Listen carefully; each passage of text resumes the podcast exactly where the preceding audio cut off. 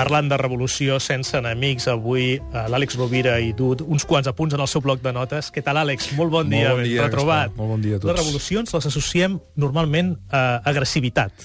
Certament, però si reflexionem... Jo crec, jo crec que la icona de la revolució que ens ve al cap quan pensem en una revolució és la francesa, no? I la icona de la revolució francesa, per una banda, era la guillotina i, per una altra banda, els escamots de fusellament, no?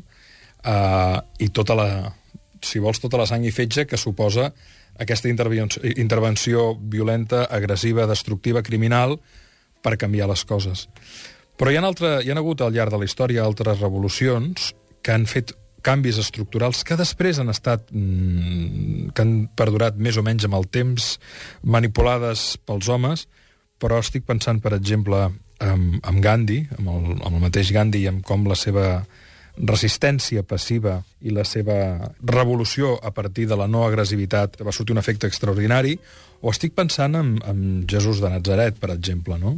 com un home que va ser radicalment revolucionari, des d'una de, uh, una gramàtica de l'ètica i de l'amor, no?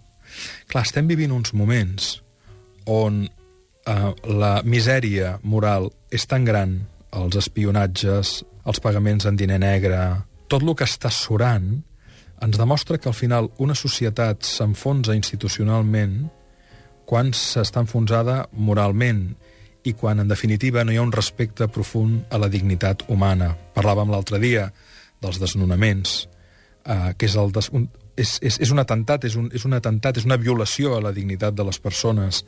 Estem parlant de com hi estem veient com hi ha hagut gent que ha robat quantitats ingents de diners i les ha desviat a paradisos fiscals o que directament han malbaratat eh, els recursos públics per fer infraestructures totalment disfuncionals que ben aplicades permetrien, doncs, probablement um, seguir pagant els sous dignes als, als funcionaris, als metges, als mestres, a totes les persones que fan que una societat sigui sana i segura. No? Aleshores, um, per què es necessiten les lleis i l'ètica? Quan no sabem estimar. És a dir, tu a un nen li has de dir no pots robar si no li fas entendre que quan està robant quelcom o quan està matant algú està fent molt mal en les persones que envolten en aquell algú i a la pròpia persona afectada. No? Per tant, tota llei i tota ètica apareix quan, no hi, ha, quan, hi, ha, quan hi ha una manca d'amor.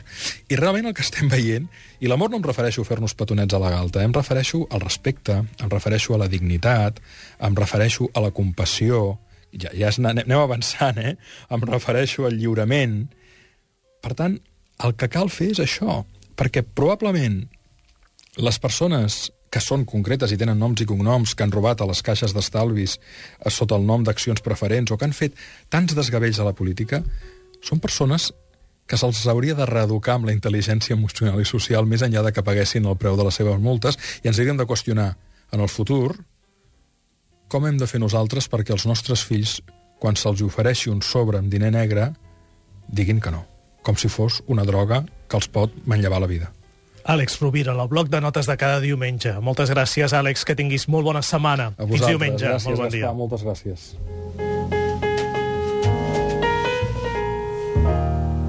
L'ofici de viure.